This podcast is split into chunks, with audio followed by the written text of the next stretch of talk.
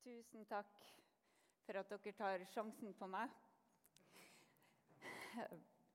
Jeg kan bli kjemperørt, så jeg må ta meg skikkelig sammen. Jeg skal fordøye det her bak stengte dører etterpå.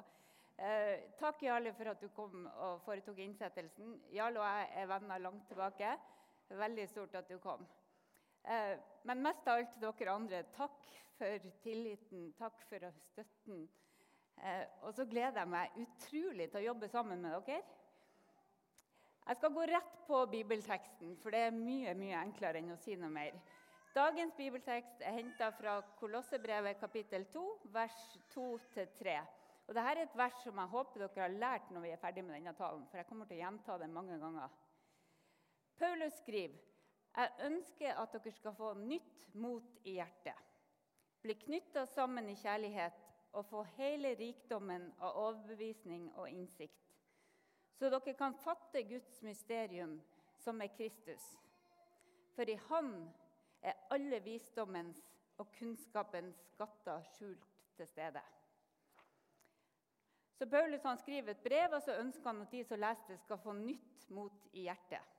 Og hvem kan ikke trenge litt nytt mot i hjertet? I et møte med en ny høst, nye utfordringer, smittefare, sosial distansering, ja, det er en helt annen hverdag enn vi så for oss i fjor høst. Og så har jeg tenkt så mye på det med forventninger. Forventninger til livet og forventninger til Gud. For hva kan vi med rimelighet forvente? Livet blir, som mange av dere vet, sjelden sånn som man håper på og drømmer om. Veldig mange ting blir helt annerledes. Vi kan jobbe og gjøre alt etter beste evne, men før eller siden så skjer det bestandig noe som ødelegger. Skuffelser og motgang kommer. Det er bare et spørsmål om tid. Og Kanskje syns du dette var en skikkelig depressiv start på en tale om nytt mot i hjertet. Og jeg forstår hva du tenker, men det er en sannhet i det jeg prøver å si. For det, du kommer til å bli skuffa. Du kommer til å få tunge dager. Livet er ikke enkelt for noen av oss. Og så må vi leve det livet vi får. Vi må leve det livet vi får. Så hvordan kan vi få nytt mot i hjertet når det er tungt, eller bare litt tomt? Hvordan kan vi få nytt mot i hjertet? Paulus, som skrev dette brevet, han satt i fengsel da han skrev det. Han må ha kjent på motløshet og usikkerhet. Han visste ikke hvor lenge han skulle sitte inne. Ja, han visste ikke engang om han kom ut, om han kom til å overleve. Men Paulus han hadde tillit til at Gud var til stede midt i det vanskelige og usikre. I et av de andre brevene som Paulus skrev fra fengsel, så skrev han det her.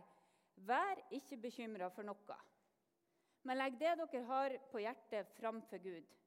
Be og kall på Han med takk. Og så det som Jarle sa i stad. Og Guds fred, som overgår all og da kan vi legge til menneskelig forstand, skal bevare deres hjerter og tanker i Kristus Jesus. Er ikke det fint? At vi kan komme til Gud med alt vi har på hjertet. Og så skal Guds fred, som overgår all forstand, bevare oss. tanker og hjerter i Kristus Jesus. Det er litt av et løfte, og ekstra sterkt fordi det er skrevet fra fengsel. Dette er ikke en som der alt lykkes med, og liksom Guds fred, så blir alt fint. Han satt i fengsel. Og så er det en ting til som er viktig, og det er at sånne brev som Paulus skrev, skrev han ikke til enkeltmennesker. Det var ikke liksom brevet til Lise. Det var brevet til ei hel menighet. Et fellesskap av mennesker som kom sammen for å tilbe og lære om Jesus. Og de her Brevene de ble lest opp av et sendebud, datidens postbud, som da ofte tok det først i én menighet, og så gikk han videre til noen andre menigheter, sånn at alle skulle få lese det Paulus hadde skrevet. Og I det kolosserbrevverset som jeg starta med, så skriver Paulus hva han ønsker for menigheter som får høre det brevet som blir lest opp. Og Da sto det altså i det verset jeg ønsker at dere skal få nytt mot i hjertet. Tenk dere, Fra fengsel. Dere skal få nytt mot i hjertet, dere alle der ute. Bli knytta sammen i kjærlighet. Og så skal dere få rikdommen av overbevisning og innsikt så dere kan fatte Guds mysterium, som er Kristus. For i Han er alle visdommens og kunnskapens skatter skjult til stede. Og sånne ord som mot og kjærlighet og innsikt og visdom og kunnskap, det er ord som jeg liker. Jeg tok en doktorgrad i fysikk, og jeg liker sånne ord. Visdom og kunnskap. For det antyder at du skjønner hva livet handler om, og at du kan leve det godt. Og så står det helt tydelig at det er Jesus Kristus som er kilden til visdom og kunnskap. Enten vi vet eller ikke, så er det Jesus som er kilden. Og så handler de her versene ikke om meg og Jesus eller deg og Jesus. Det handler om oss og Jesus. Vi og Jesus. Om fellesskapet og Jesus. Så står det når vi som fellesskap blir knytta sammen i kjærlighet, da Altså Når vi blir knytta sammen, da kan vi få hele rikdommen av overbevisning og innsikt. Ikke når vi sitter alene på hybelen, men når vi kommer sammen. Har du tenkt på det at Vi mennesker vi blir best kjent med andre når vi opplever dem sammen med andre. Altså Vi kan bli kjent en viss, til en viss grad sånn én og én, jeg liker egentlig én og én ganske godt. Men når du ser folk lag med andre, så får de frem andre sider. Så vi blir best kjent når vi er flere sammen. Dette har blitt så tydelig for meg de siste tre ukene når jeg har jobba sammen med Daniel og Hans Christian og Ingebrigt på kontoret. Fordi at jeg skal, jeg skal, lede denne staben til daglig. og Da skal jeg jo bli kjent med dem og så skal jeg samarbeide med dem. Og så har jeg hatt møter med dem enkeltvis og spurt dem masse spørsmål for å prøve å bli kjent. Men det er jo i lunsjen og i møter der de samarbeider med andre, der noen kommer og maser på dem eller klager til dem, det er jo da jeg ser hva de blir engasjert av, og hva de blir litt deppa av. Eh, og så ser jeg humoren, og så hører jeg hva de har opplevd, og så sitter jeg og suger til meg og tenker for noen fine folk. Jeg hadde aldri funnet ut av det om jeg hadde sittet sånn én til én i lang tid. Og Du har sikkert opplevd det samme når du har vært i bursdag eller bryllup og enda verre i begravelser. Når folk holder tale om de du er glad i, og så hører du noe du aldri har hørt før. Så kan man bli litt sånn Hvorfor visste ikke jeg det? Eh, men vi blir kjent med andre når vi er sammen. Og når andre forteller hva de setter pris på med et menneske, så ser vi nye sider av det mennesket. Og jeg tror at det er sånn med Jesus også. At vi lærer å kjenne ham best i fellesskap. For han er mye, mye større enn det den enkelte av oss klarer å se. Om så vi får alle levedagene vi drømmer om. Men sammen så kan vi se så mye mer. Du lærer noe og deler det med meg. Jeg lærer noe og deler det med deg. Og så deler vi det med hverandre. Og Sånn blir vi bedre kjent med Jesus i fellesskap enn vi kunne ha blitt alene. Bildene vi har av Gud, de blir tydeligere når vi er i et fellesskap. Det fineste jeg har opplevd de siste tre ukene på jobb, ved siden av Bekjent med staben, det er å høre enkeltmennesker fortelle meg hvordan de oppdaga Jesus, eller når de begynte å tro på ham. Det er så mange spennende historier i de her benkeradene og i smågruppene som møtes hjemme. Det er mye innsikt og visdom samla i dette fellesskapet. Og I Matteus 18,20 så sier Jesus for hvor to eller tre er samla i mitt navn, der er jeg midt iblant dem. Så Jesus han møter oss i fellesskapet. Derfor er fellesskap viktig. Men så finnes det noen andre grunner også til at fellesskapet er viktig. Og, og de er mer sånn, Det kunne kanskje alle ha sagt, men det er gjort en del forskning på det. Eh, først så står det i Bibelen, da, i skapelsesberetninga, at det er ikke godt for mennesket å være alene. Vi er skapt til fellesskap. Med Gud og med hverandre. Så I ei bok som heter 'The Power of the Other', så skriver psykologen Henry Cloud om den effekten andre mennesker har på oss. Og Jeg plukka noen av de punktene som han har. Jeg bare sett ned tempoet litt, for jeg ser at noen har trøbbel med dialekten min. Ro meg litt ned. Henry Cloud sier at om vi har sunne, gode relasjoner med andre mennesker, så påvirker det livet vårt. Det påvirker hvor lenge vi lever. Folk som tilhører et fellesskap, lever lenger enn andre. Effekten er faktisk sterkere enn om du begynner å spise sunt eller du dropper røyking. Så det å høre til i fellesskap påvirker levetida. Eh, det påvirker også hvordan du håndterer stress og motgang. Det påvirker humøret ditt, hvor mye vondt du har. Fellesskap foran Paracet har jeg lært nå. Det påvirker hvordan og hva du tenker. Apropos mot i hjertet. Og det påvirker om du når de målene du setter. Så gode, sunne relasjoner er kjempeviktig for alle mennesker. Så nøkkelen blir jo da å utvikle gode vennskap og fellesskap. Og det kan være vanskelig. Men i ei menighet har vi unike muligheter. For her samles det masse forskjellige folk uke etter uke, og vi har muligheter til å bli kjent med nye mennesker. Og de som vi allerede kjenner litt. Og når vi blir bedre kjent, så er det fullt mulig at vi blir glad i folk. Til og med folk som er så forskjellige fra deg som du kan tenke.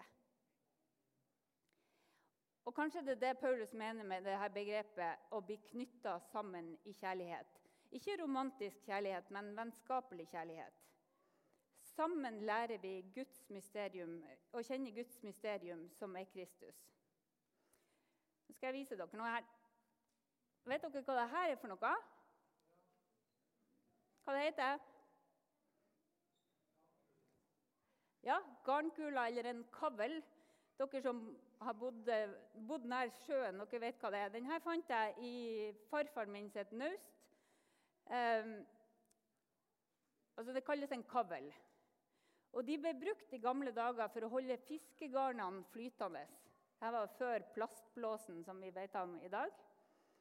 Og så var det sånn at de, Fiskerne de fikk sånne glasskuler, og så knytta de sjøl det her nettet av tau rundt. Og så ble det festa på garnene. Og Da jeg leste dagens tekst om å bli knytta sammen i kjærlighet, og prøvde å illustrere det for dere, så så jeg for meg en sånn her kavl. Så hvis hver av oss er en knute på denne nettingen Ser dere vi har én meters avstand? Eh, så kan du kanskje lære oss å huske hvem vi hører til. For Hvis Jesus er midten her, og vi er fellesskapet rundt, og Jesus er kilden til kjærlighet som knytter oss sammen, så har hver og en av oss en plass rundt Jesus hvis vi ønsker det. Ja, Til og med på de motløse dagene. Da holdes vi sammen og kan hjelpe hverandre. Og når dattera mi hørte at jeg skulle si det her, så sa hun eh, Er Jesus fanga i garnet da? Nei, og Jesus er ikke ei glasskule heller. Han er Guds sønn som ble menneske. Men det bildet holder fordi at Jesus holder oss flytende, selv på de dårlige dagene. Og så knyttes vi sammen i kjærlighet rundt han. Ja, han knytter oss sammen. Eh, og hvis vi skal trekke det enda lenger, så kan du tenke på det her som et sikkerhetsnett. Så hvis vi henger i det her, og så går det ikke så bra med oss, så henger de andre fast i Jesus, så kan vi holde oss fast, vi òg. Jeg vet ikke om noen syns det var bra, men vi kan klappe for at jeg i hvert fall kom meg gjennom den. Så da skal jeg lese teksten en gang til. Og Der står det at når vi knytter sammen i kjærlighet, så kan vi få hele rikdommen av overbevisning og innsikt, sånn at vi kan fatte Guds mysterium, som er Kristus. Og Det er et kjempestort løfte, for sammen lærer vi Gud å kjenne gjennom Jesus Kristus. Men så må vi huske at vi er forskjellige. Gud møter oss på ulikt vis. Vi har det vi kan kalle forskjellige åndelige veier, eller måter vi kan møte Gud på, og vokse i trua og få mot i hjertet. Og her er vi veldig forskjellige. Mange har hørt om det her før, men jeg skal gå gjennom dem en gang til. Den første sånn åndelige vei er, den kalles det de kontemplative. Det er de som møter Jesus best i stillhet og bønn. Dere får nytt mot i stillhet. Dere elsker å dra på retreat. Det gruer jeg meg til. Det må jeg som pastor. Noen av dere møter Jesus i fellesskapet med andre. Det kaller vi den relasjonelle veien. Og det er dere som virkelig har savna de fysiske møtene i koronatida. Og så er det noen som møter Gud i tilbedelsen. De liker veldig godt å synge. Og de syns det er flott å synge i fellesskap, men de kan også belge ut i bilen og lovsynge hvor som helst.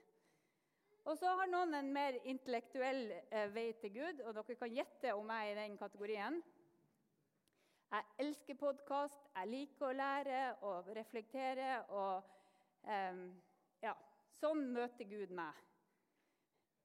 Og så er det neste det er de som gjør noe praktisk, eller de som er i en tjeneste. At de opplever at Gud møter dem når de gjør noe. Noen som beskriver det som at jeg føler at Gud smiler når jeg står her og gjør det jeg er god til. Eller når jeg koker kirkekaffe, eller når jeg leder sang.